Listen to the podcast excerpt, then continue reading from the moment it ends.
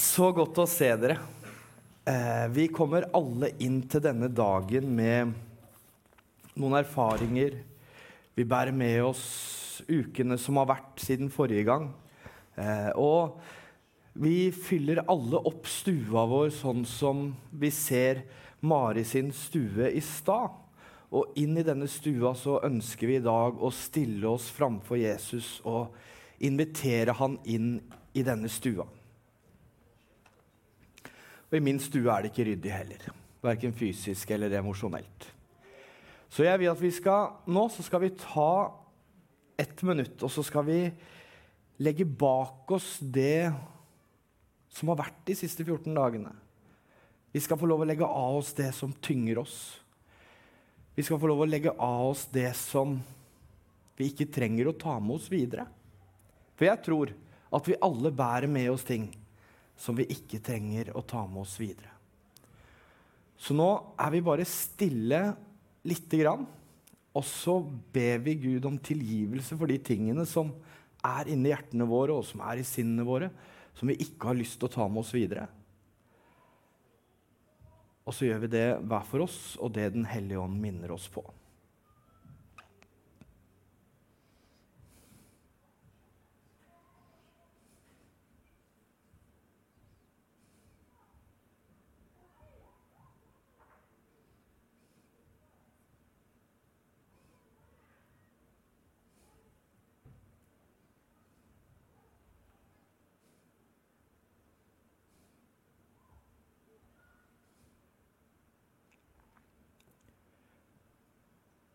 For det står det i 1. Johannes brev at dersom vi bekjenner våre synder, er Han trofast og rettferdig.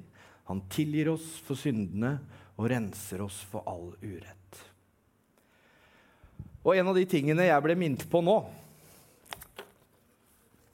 det var her på onsdag morgen. Kona hadde vært på nattevakt to netter i forkant. Eh, og jeg holder på å bygge en gang, og jeg har masse jeg skulle ha gjort og litt mindre tid. Og så kommer ungene inn kvart på seks på morgenen. Og da hadde jeg flislagt det klokka var halv ett på natta. så da var liksom, Jeg hadde de timene der. Og så kommer de inn kvart på seks og spør kan vi få lov å spille TV-spill. Og jeg kjenner bare vær så, Og jeg blir så Altså, jeg blir sint. Jeg har sovet dårlig. Jeg blir, jeg blir sint. Jeg har ikke lyst til å være sint på barna mine. Jeg har ikke lyst til at de skal oppleve meg sånn eller erfare meg sånn eller få den reaksjonen som det de får.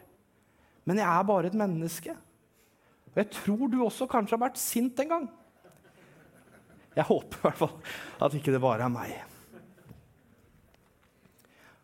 Og det gjør noe med relasjon. For da skal vi inn, inn i en intim relasjon. Hva handler det om? Å være i en intim relasjon med universets skaper.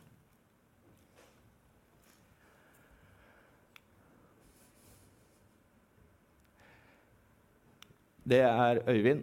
Eh, grunnlaget for etterfølgelse Øyvind har snakka om dette med etterfølgelse. Hvordan vi kan på en måte stille oss i posisjon. Han prata om hyrden og sauene som følger etter hyrden. Vi inviteres til å ta imot en invitasjon og akseptere vår nye identitet. Hvem er jeg i Kristus? Hvem er det han ser når han ser på meg?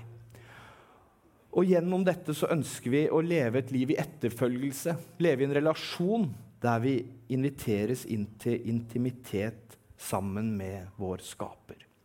Og Målet med etterfølgelse ta imot Guds formasjon så vi lever et liv med integritet, som Andreas kan prate om neste uke. Og her har vi kristne skytet oss litt i foten. Fordi den sekulære verden de prater om at de skal ha sex, eller de skal pule, og så mange andre stygge ord som jeg ikke ønsker å uttrykke herfra. Mens vi kristne vi har ofte sagt at vi, nå, de, vi har vært intime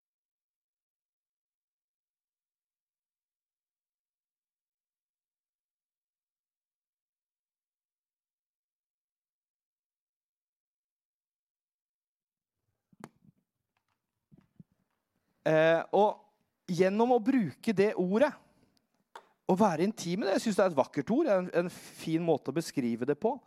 Men det beskriver ikke helt det som faktisk skjer. Eh, og intimitet ifølge Store norske leksikon Intimitet betyr inderlighet, fortrolighet eller fortrolig vennskap. Begrepet brukes også om handling eller opptreden som man bare tillater seg ovenfor sine fortrolige. Har ingenting med det vi tenkte på eller det vi beskrev det som å gjøre. For intimitet er en fortrolighet, et sted hvor vi stiller oss framfor Gud akkurat sånn som vi er. At det er rotete i min stue. Men vet du hva? Velkommen inn. For jeg ønsker å ha deg her. Jeg ønsker å ha et fortrolig, dypere forhold sammen med deg.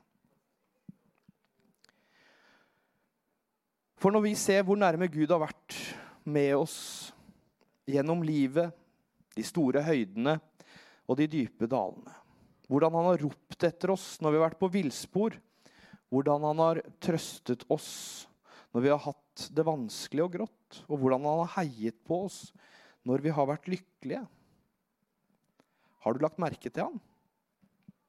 I hvilken del av disse erfaringene av livet har du lagt merke til universets skaper. På fredag så hadde jeg guttekveld med min eldste sønn. For kona og de to yngste har reist til, eller til mine svigerforeldre, til hennes foreldre. Og hva er det jeg ønsker? Hva er det jeg ønsker med å ha guttekveld? Jo, det er å sette meg ned med syvåringen min og lytte til han. Se han. Elske han ha denne kvelden på hans premisser, ikke på mine. For jeg hadde, skulle gjerne hatt fuga de flisene og satt opp de utfordringene. Men jeg må velge å sette meg ned og være til stede. Og spørre hva er det du vil? Hva er det du ønsker nå, gutten min? Ja, vi har godteri. Ja, vi har godteri. Vi har cola. Fikk en cola. Han har syv, så han får lov å drikke litt cola. Eh, ikke for seint, da. Men og så satt vi der. Og så eh, prata vi litt sammen, og så ville han spille et bilspill, og så spilte jeg bilspill. Og så ville han spille stigespillet, og så spilte vi stigespillet. Og så, vi, og så er jeg bare sammen med han. Jeg, det, det krever ikke masse av meg å være der. Men han opplever virkelig at jeg går på et dypere nivå sammen med han. Og så husker jeg fra ungdomsskolen, og da kan dere gå tilbake igjen noen noen få år, noen andre noen eh, litt lenger. Så var jeg kjempeforelska i ei jente. Superforelska. Noen som har vært det? Superforelska i noen? Ja. Problemet var at hun var ikke superforelska i meg. På noe som helst måte. Så jeg prøvde alt jeg kunne for å få henne ned i en dypere relasjon sammen med meg. Jeg skrev brev. Det var, altså, det var rett før mobiltelefonen kom. Jeg prøvde alt jeg kunne å skape og prøve å få henne inn i en dypere relasjon. Men det nytta ikke. Ikke i det hele tatt. Hun var høflig, hun var snill, hun var grei. Det var ingenting med det å gjøre.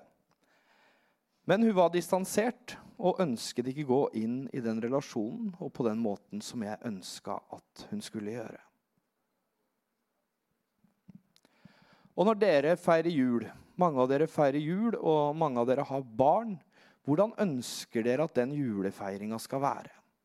Ønsker dere at barna skal komme hjem seint, seint på lille eller på, på, på, julaften komme innom, spise maten, takk for nå, ha det bra og ut igjen? Er det en sånn relasjon man ønsker?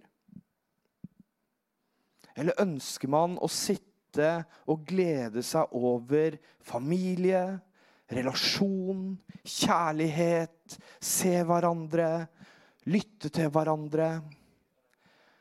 Det er jo de relasjonene vi ønsker. Men vi kan ikke som foreldre tvinge det på dem. Vi kan ikke tvinge noen til å gå inn i en kjærlighetsrelasjon med oss. Og sånn er det også med Gud. Han kan gjøre veldig mye. Han kan tvinge oss til å frykte seg. Hvis det plutselig kommer en ildsøyle på utsida her nå, en tornado som står og drar opp alle bilene våre, så tror jeg vi hadde fått litt sånn OK, greit. Eh, så det kan han tvinge oss til. Men han kan aldri tvinge oss til å elske han. Og det er så godt å være i de relasjonene hvor det er komfortabelt, rolig, fredfullt. Alt er bare på plass. Og du gleder deg bare over å være sammen med dette mennesket. Gjennom hele Det gamle og Det nye testamentet så ser vi en skaper Gud som ikke ønsker annet enn å gå inn i en dypere og intim relasjon til sin skapning. Han ønsker denne relasjonen med skapelsen mer enn alt annet. Men gang på gang så holder skapelsen skaperen på en armlengdes avstand. Skapelsen er høflig. Skapelsen er til tider snill. Den viser respekt. Men den nekter å gå inn på et nivå av intimitet som Gud lengter etter. Og som han har jobbet iherdig for at vi skulle ha med han. Og I Bibelen så leser vi å bli bedre kjent med Gud som Faderen. Og det leser vi om i den bortkomne sønn i Lukas 15. Nå skal jeg ikke lese hele den historien nå.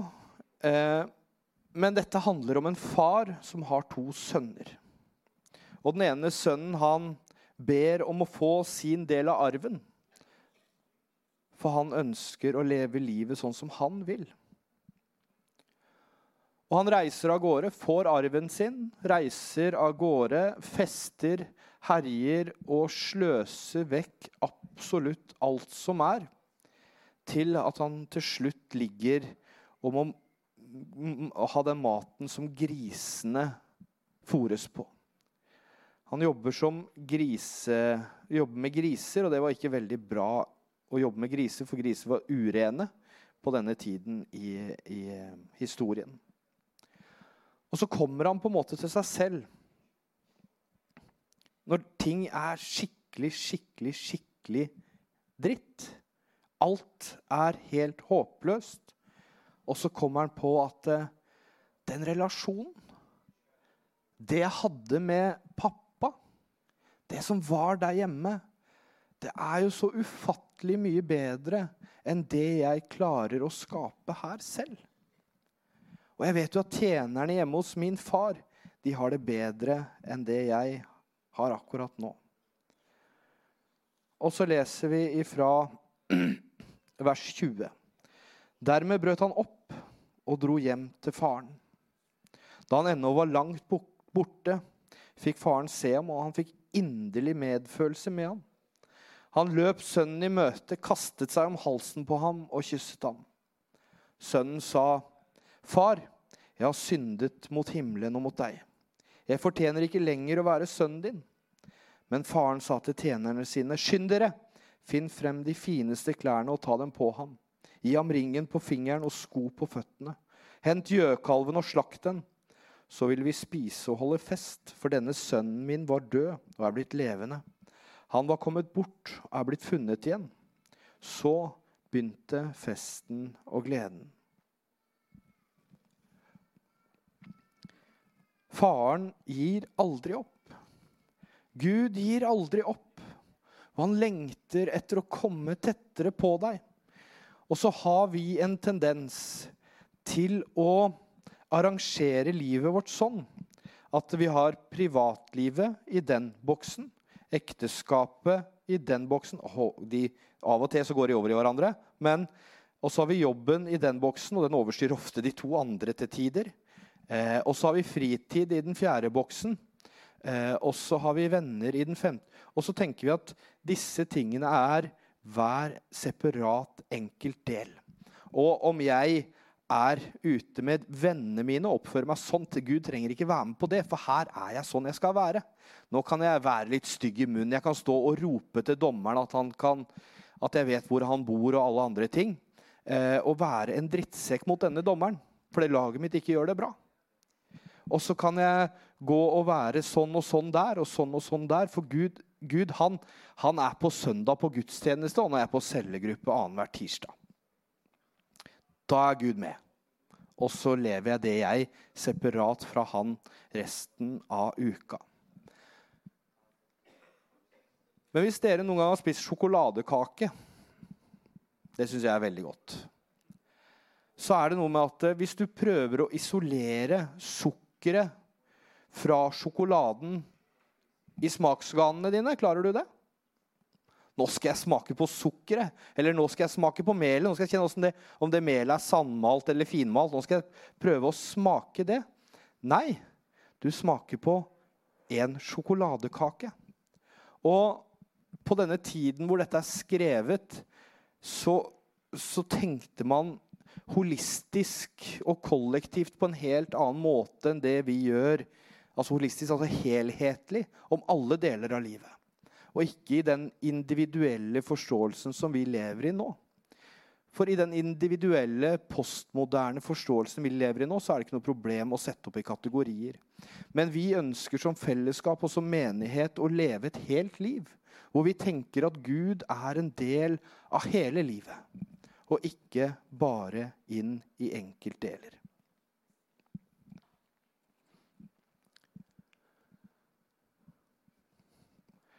Og her ser vi Gud lengter etter sin skapning. Han, Adam og Eva har jo akkurat eh, vært og spist av eplet.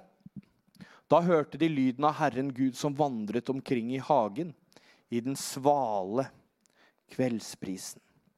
Kan du tenke dere åssen det er å gå rundt i Edens hage i den svale kveldsprisen?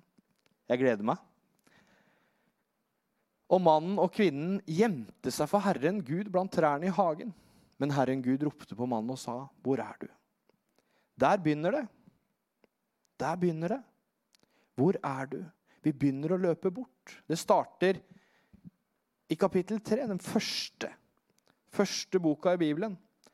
Der begynner Gud å lengte etter mer av oss. Der begynner Gud å ønske å se oss, og vi begynner å holde Gud på en armlengdes avstand. Og så går vi da til den siste boka i Bibelen. Og hvis du er ny som kristen, eh, eller du er ny her, så anbefaler jeg deg ikke å begynne der. Eh, den kan du vente med til litt seinere. Eh, men eh, akkurat dette avsnittet i, i kapittel 3 så skriver altså Johannes, eh, disiplen, en av de tolv disiplene til Jesus, eh, er på Patmos, og han får et syn. Og i dette synet så ser han dette. Eh, og skriv til engelen for menigheten i Radukea. Dette sier han som er Amen det trofaste og sannferdige vitne. Opphavet til alt som Gud har skapt. Jeg vet om dine gjerninger. Du er verken kald eller varm. Om du bare var kald eller varm. Men du er lunken, ikke varm og ikke kald. Derfor skal jeg spytte deg ut av min munn. Menigheten i Laudukea, de var på gudstjeneste. De sang lovsanger. De forkynte ordet. De kom sammen og brøt brød. Og dette er svaret de får av Herren. Jeg vil spytte deg ut av min munn. Gud vet liksom ikke helt hva han vil gjøre med disse gode folka. Men de vil ikke virkelig elske ham. De vil ikke ta steget ut og leve den intime relasjonen som de er kalt inn i. Og hvis vi ser, så er dette den siste boka i Bibelen. Og den første leste vi i stad. Vi ser hvordan Gud søker å være intime med sin skapning. Dette er en god kirke. Men det var ikke det den hadde tenkt det skulle være. Og det er ikke det han lengter etter. Det er mye bedre med fullt kaos, litt skitten, lukter, litt svette, og at den er ekte, enn at det er en fasadeprega menighet som later som alt er greit, og så er stormen på innsida. Så, jeg håper ikke dette høres ut som skulle, burde, må. Eh, dette er en invitasjon til å komme inn i et tettere liv sammen med Han som har kalt oss ved navn. Han som ønsker å være sammen med oss. Det er mange ulike måter Gud ønsker å komme nær til oss på.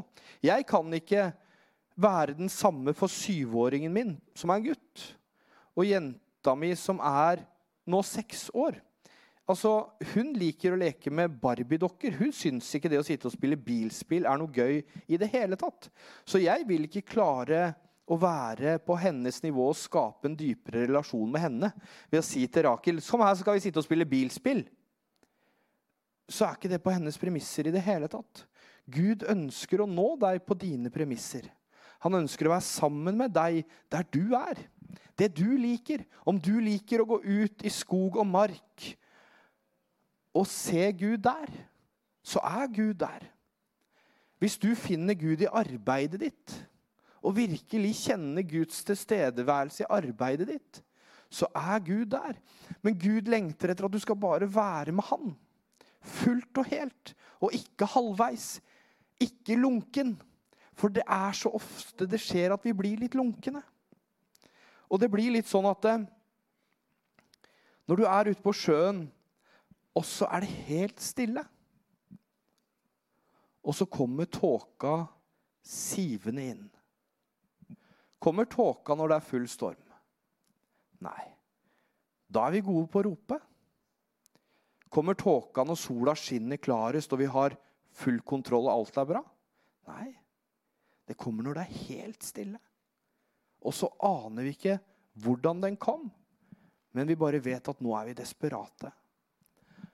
Og denne tåka kommer fordi at gjennom våre handlinger, gjennom det at vi har forskjellige ulike deler som vi ikke inkluderer Gud inn i, så forurenser det helheten. For Hvis du tenker at Gud bare ser deg når du er på søndag på gudstjeneste, så tar du fryktelig feil. For han ønsker å være sammen med deg hver eneste dag.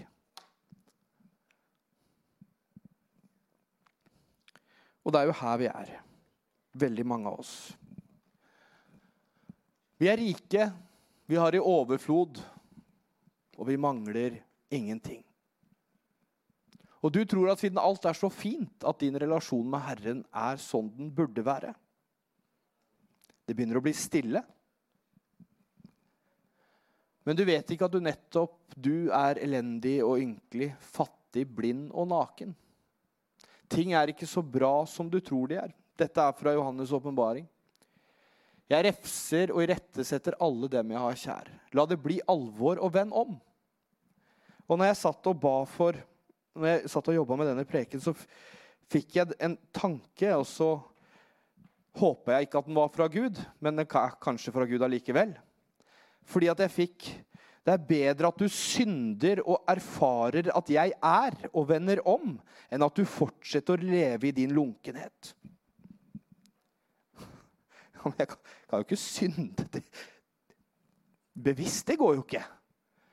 Men Gud vil heller ha det ekte. At du er der, enn at du bare går sånn og svinser i lunkenheten og aldri er til fare for djevelen eller til glede for Herren. Du bare går midt imellom. Og mange jeg kjenner som er vokst opp i en kristen tro, de detter ofte inn i en relasjon hvor det blir religion. Du lærer at du skal gå i kirka. Sjekk, du er her i dag. Sant? Så kan vi bare sjekke av den. Du leser i Bibelen av og til. Sjekk. Du ber før du legger deg. Sjekk. Du synger til og med for maten. Check. Og når du synder, så ber du 'Herre, tilgi meg min synd'. Check. Da blir det en formel. Da blir det religion. Og Gud er ikke en eldre mann med demens som glemmer den du er. Han er fullstendig klar over hvem du er. Det blir en rituell, respektfull relasjon, men den vil aldri bli intim. Når jeg spør min datter når hun kommer hjem fra skolen Rakel, hvordan har du hatt det på skolen i dag? Har du, har du lekt med noen venner? Har du, har du hatt det bra? Greit. Jeg bare Det er noe jeg misser ut på. Vær så snill, gi meg mer. Jeg, jeg, ønsker å ha noe mer. Jeg ønsker at du skal fortelle meg hvordan du har det. Hvordan du er, hvem du er inn i din skole. Og hvis jeg har det som pappa, den følelsen, hvordan tror du da Gud har det? Når du ber check, check, check, check, snakkes. Det blir jo akkurat det samme. Så jeg tror at for å gå inn i denne dype, intime relasjonen med Herren, så handler det om at vi må ta oss tid. Vi må bli kjent med Han. Vi må følge hyrden. Vi må se oss selv i speilet og se det Gud ser. Og Christine Kane sier vi ble aldri skapt for å nøye oss med bare religion. Jesus døde ikke for at vi skulle få et religiøst trossystem, men heller li et livgivende forhold til vår far. Det var ikke derfor han døde, men han ønska å ha relasjon. Og her så som Øyvind prata om forrige gang, Gud ønsker å ha oss med inn på sin plan. Og for å komme inn på hans plan, så må vi erkjenne at ikke han skal være med på vår plan. Og så må vi lytte hva Gud ønsker du at jeg skal være med på. Og begynne å stille oss i posisjon hvor vi kan lytte til hva han har å si til oss.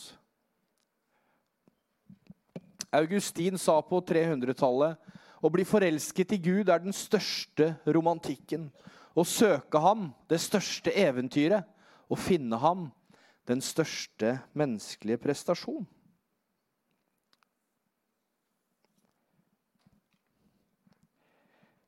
Jeg levde livet mitt, som mange av dere vet, i 25 år uten Jesus.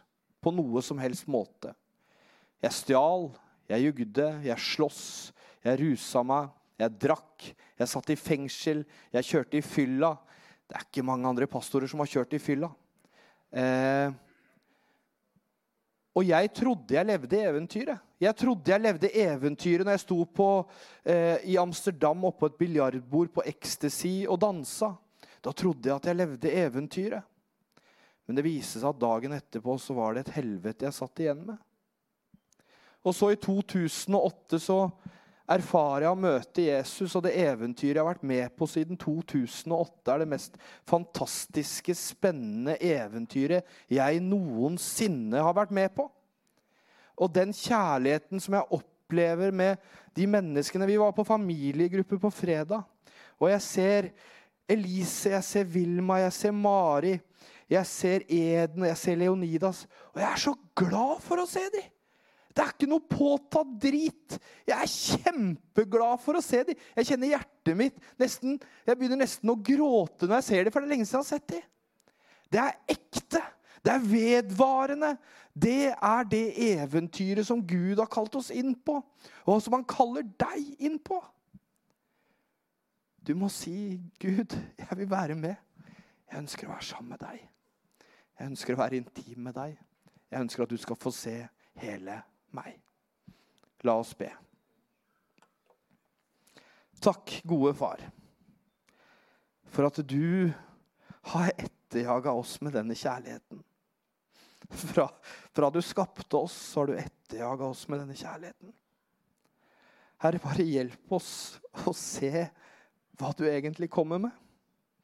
Hjelp oss å stille oss Sånn at vi kan motta den kjærligheten du kommer med. Herre, hjelp oss å gå inn i en dypere relasjon med deg. Hjelp oss å ikke ta maska og rustningen på i møte med deg. Men la oss få lov å bare være trygge, åpne og ærlige i møte med deg, sånn at vi virkelig kan bygge relasjon med deg. Så jeg ber for hver enkelt her inne. Herre, la de virkelig få lov å kjenne. Kjenne at du ønsker å gå dypere. Du ønsker å være sammen. Og du ønsker å gi dem alt det de trenger for dette eventyret som du har kalt oss ut på. Det ber vi om i Jesu navn.